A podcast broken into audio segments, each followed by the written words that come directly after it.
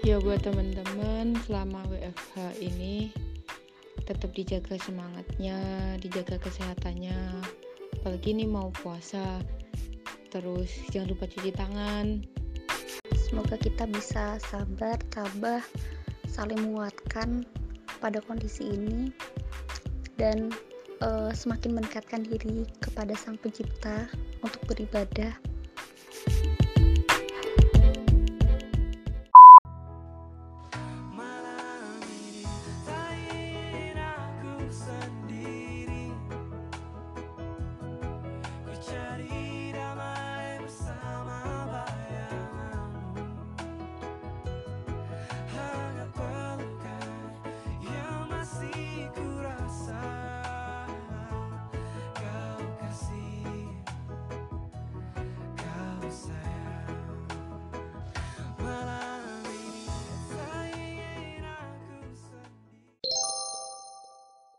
Assalamualaikum warahmatullahi wabarakatuh.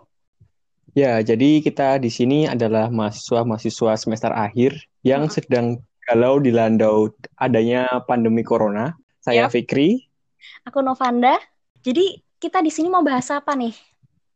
Hmm, kayaknya bahas soal apa ya KKN kali ya. Kan ada kan yang lagi KKN terus tiba-tiba uh, mungkin berhenti terus mungkin terganggu kita nggak tahu gimana ceritanya. Uh -uh. Nah jadi kita kayaknya perlu sih uh, cerita soal KKN itu gimana menurutmu? Ya bener banget nih, apalagi KKN yang lagi ada di UGM nih, yang di periode satu ini nih. Mm-hmm. Ini aku punya temen nih, Fik. Dia oh, iya. uh, lagi KKN periode satu. Gimana kalau kita undang aja? Boleh. Siapa tuh emang temen Nos? Heni Heni. Heni. Oke. Okay. Tahu kan, tahu kan. Famous tahu. Orangnya. Nah, kita panggil kur kur kur kur. ini malah ngapain? Oke, halo Mbak Heni, bisa mendengar suara kita? Halo. Hai. Jadi gimana, gimana nih? Jadi gimana nih kamu sebagai mahasiswa KKN periode satu ya sekarang? Itu kan yeah. sedang dilanda kebingungan atau mungkin malah senang. Jadi kan aku baca di internet tuh ada namanya KKN di desa penari ya. Kalau ini kamu namanya KKN di desa sendiri ya sih? Iya bener banget KKN di desa sendiri. Boleh dong ceritain gimana gimana ya? Awalnya yang periode saat itu kita udah mulai diterjunin. Mm -hmm. Jadi emang uh, udah bikin LRK untuk KKN ya kayak KKN offline seperti biasa di desanya itu. Mm -hmm. Tapi karena adanya pandemi ini terus kita akhirnya ditarik. Padahal baru lima hari di sana. Jadi hari keenam kita langsung ditarik. Terus nggak balik-balik lagi tuh? Nah awalnya keputusannya itu 14 hari ditarik terus melihat kondisi gimana baru uh, ternyata setelah 14 hari kondisi belum kunjung membaik akhirnya kita nggak jadi diterjunin kembali Hmm, terus sekarang kegiatannya ngapain Hen? Apakah gabutkah atau ada tugas dari kampus buat nyesain KKN itu gimana? Nah, uh, untuk KKN ini sendiri tuh tetap berlanjut. Jadi kita mulainya tanggal 12 Maret sampai 30 April besok. Nah, 30 April uh, ya. Mm. Mm, nah, uh, KKN-nya tetap dilanjutin tapi metodenya beda. Jadi kita KKN online. Kalau KKN online itu ini apa namanya kegiatannya ya kayak memantau desa. Jadi ada program namanya program pantau desa uh, tentang pemudik-pemudiknya gitu. Mm-hmm. Jadi kalau misalnya ada pemudik pulang ke desanya itu nanti dicatat terus 14 hari gimana kondisinya kayak gitu. Terus uh, bikin poster, desain grafis, terus video-video tentang pencegahan COVID-19 ini sendiri atau untuk apa namanya ya update-update beritanya kayak gitu. Nah terus untuk yang update berita tentang COVID ini kita dibagi jadi tiga tim. Yang tim pertama itu yang buat nyiapin materi, terus nanti yang kedua buat bikin desain grafisnya atau buat video-videonya itu, terus yang ketiga namanya tim buat memviralkan, tim publikasi okay. lah ya. Gitu. Hmm. Aku mau nanya ya, nih, Hen.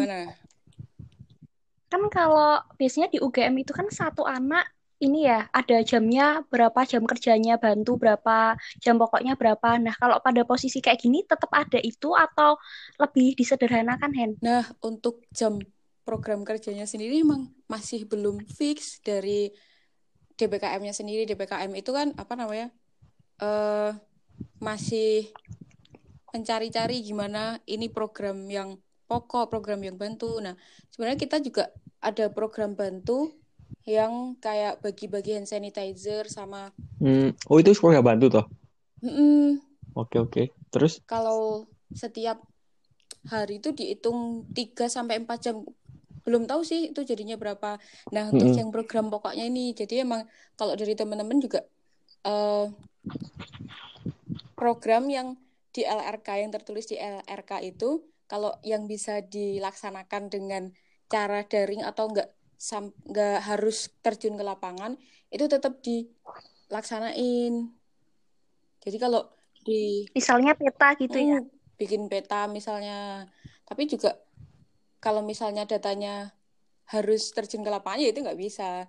Dan kebanyakan teman-temanku tuh programnya harus ke lapangan. Jadi kayak nggak bisa terrealisasi kayak gitu. Nah untuk jam sendiri juga belum bisa apa ya, belum bisa difikskan dari sananya aja. Jadi ini emang kayaknya emang gak mau dadak hmm. gitu gak sih? Kayak ya pokoknya jalan dulu aja terus pokoknya nanti pakemnya bakal diusahakan sama kampus gak sih? Jadi kayak kita dari LRK, LPK semuanya belum belum jelas juga gak sih sebenarnya. Jadi kayak yang penting jalan dulu baru baru diselesaikan. Iya benar. Soalnya kan emang kita posisinya udah terjun, terus ada kondisi seperti ini, baru ditarik. Nah, untuk yang periode 2 sama periode 6, ini baru bisa yang ter, apa namanya terstruktur gitu. Iya sih. Jadi emang di KKN ini tuh ada periode 6 juga. Nah, ini Hen, tadi kan kamu bilang nih, ada yang periode 6, sedangkan aku sama Fikri taunya cuma ada sampai periode 4 nih. Ini gimana nih ceritanya nih? Nah, karena di tahun 2020 ini banyak kejadian yang memang tidak Luar bisa biasa. ya. ya. Itu KKN UGM pun juga menyesuaikan. Jadi yang nice. biasanya ada empat periode untuk tahun ini tuh ada enam periode. Kalau yang periode lima itu KKN, KKN PB di Lebak Banten. Nah, yang periode enam ini baru aja dibentuk juga uh, untuk penyelesaian bukan penyelesaian sih ya untuk informasi tentang COVID ini sendiri. Jadi emang ternyata ada periode 6 yang mana orang-orangnya itu bisa yang anak-anak periode 2 bisa pindah ke periode 6. Uh, temanya nggak jauh beda sih tentang penanganan COVID-19 ini. Jadi mulainya tanggal 4 Mei 2020 setelah yang periode satu selesai KKN. Programnya itu... tetap tetap apa kayak pantau desa kayak gitu. Oh, berarti tetap berbasis online ya tetapannya, bukan langsung terjun ke lapangan ya? Iya, uh, dan uniknya lokasinya itu di desanya masing-masing. Jadi misalnya kalau aku di desa aku tempat tinggalnya di desa A, ya udah aku memantau di desaku sendiri. Jadi bener-bener KKN di desa sendiri. nice lah. Bagus banget loh itu kayak bermanfaat banget nggak sih? Hmm. Ya, ya, insya Allah. itu sih sebenarnya kayak dua apa ya? Dua dua sisi pisau karena kan ada yang pengen periode dua, pengen jauh-jauh, terus ya begitu langsung nggak jadi kan karena ditunda ada pandemi ini kan juga jadi plus minus lah plusnya kita bantu teman-teman eh bantu warga masyarakat yang benar-benar mungkin dalam tanda petik membutuhkan tapi minusnya ya tadi cita-cita yang selama ini ingin KKN jauh-jauh yang sekalian bantu sekalian liburan tapi akhirnya kan ya sirna juga akhirnya gitu. Ya gak sih? Iya. Nah tapi yang periode 2 ini juga bisa pindah ke periode 4 yang Desember itu. Jadi uh, untuk khusus periode 2 yang tahun ini itu bisa pindah karena yaitu emang keadaannya. Seperti ini. Jadi bisa pindah ke periode 2 kalau eh periode 4 kalau mau jauh atau periode 6 kalau mau cepet cepet selesainya. Ya, ya sih. Ya itu sih emang banyak banget cerita-cerita yang menarik soal KKN, WFH dan kuliah di tengah-tengah pandemi ini. kayaknya sih bakal bakal ada pembicaraan seru lagi soal ini nanti. Jadi kita mungkin akan nyambung ke segmen berikutnya. Betul begitu Novanda? Oh iya, benar sekali ini Fikria. Oke, jadi jangan ke mana-mana. Tunggu ke segmen selanjutnya.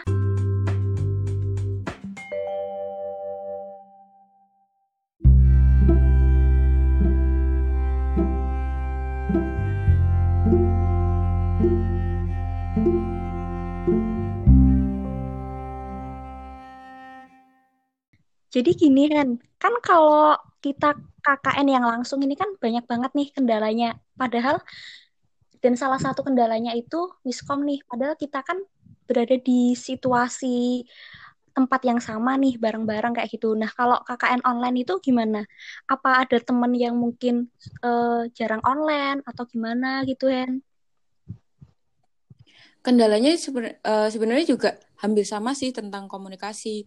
Tapi kalau uh, ke teman-teman sepertinya kayak aman aja sih karena teman-teman ya sering online, sering bales kayak gitu. Tapi mungkin lebih ke kendala ke apa namanya ya kontak personnya ke desanya mungkin bisa apa namanya kayak slow respon atau datanya gimana kayak gitu. Jadi mungkin itu sih kendalanya. Kalau misalnya teman-temannya sih aman-aman aja. Soalnya memang bisa udah bisa balik terus bisa dikerjain sendiri gitu juga. Jadi ngerjainnya itu per desa sendiri-sendiri ya contohnya bukan per unit kan ya? Atau? Nah lucunya nih aku cerita dikit nih ya boleh, boleh. tentang komunikasi ke desa. Jadi aku awalnya KKN di desa A. Tapi eh, kontak personnya itu gak ada yang respon. Akhirnya keputusan dari DPKM kita dipindah ke lain desa, bahkan ke beda kabupaten. Jadi kita sekarang ada di desa B dan uh, setiap dua orang itu memantau empat dusun. Jadi di bawahnya desa kayak gitu. Hmm, tapi emang datanya bakalan detail gitu sih. Tapi nggak ada kendala kan ya setelah ganti desa ini udah aman semua kan ya? Maksudnya aman. Nggak ada yang lost slow respon lagi gitu. Uh, aman aman. Oke, okay, nice lah kalau gitu. Ya, jadi kita balik lagi namanya ada bencana itu kan kita lihat lagi ya hikmahnya, kita lihat lagi apa sih yang yang diingatkan oleh Tuhan, oleh Allah soal, soal bencana ini. Jadi kita emang harus mungkin ada yang apa ya ada yang masih kurang dari kita sebagai mahasiswa tersendiri ya mahasiswa yang mungkin kurang bersyukur kan kita kita lihat nih kayak dulu kita sering ke kampus ya biasa-biasa aja normal. In in the normal day kayak gitu. Tapi terus semenjak dalam tanda petik semua itu diambil rasanya kita kayak kangen ya sih boleh ketemu lagi. Ya itu salah satu salah satunya hikmah yang bisa kita ambil. Jadi kayak semoga Mbak Heni juga yang KKN nggak nggak patah semangatnya tetap semangat. Terus kita juga mahasiswa semester akhir ya Nov bisa semangat mengerjakan yang harusnya dikerjakan. Nggak cuma nonton drama, jadi jadi mungkin segitu dulu hmm. kali ya bincang-bincang tentang KKN online hmm. di UGM. Ya, makasih Mbak Heni udah ngasih waktu dan ceritanya. Semoga kakaknya lancar dan semoga skripsinya juga lancar. Terima kasih teman-teman juga. Semoga lancar-lancar skripsinya. Amin. Ya, jadi gitu ya. Emang banyak pelajaran yang bisa kita ambil dari adanya pandemi corona ini sebagai mahasiswa, sebagai manusia. Oke, mungkin itu aja pembahasan kita pada hari ini. Cukup sampai sini podcast kita. Sampai jumpa di podcast selanjutnya. Terkadang kesulitan harus kamu rasakan terlebih dahulu sebelum kebahagiaan yang sempurna datang kepadamu. R.A. Kartini. Saya Fikri Nurrahman Ernawan. Saya Novanda. Selamat Hari Kartini.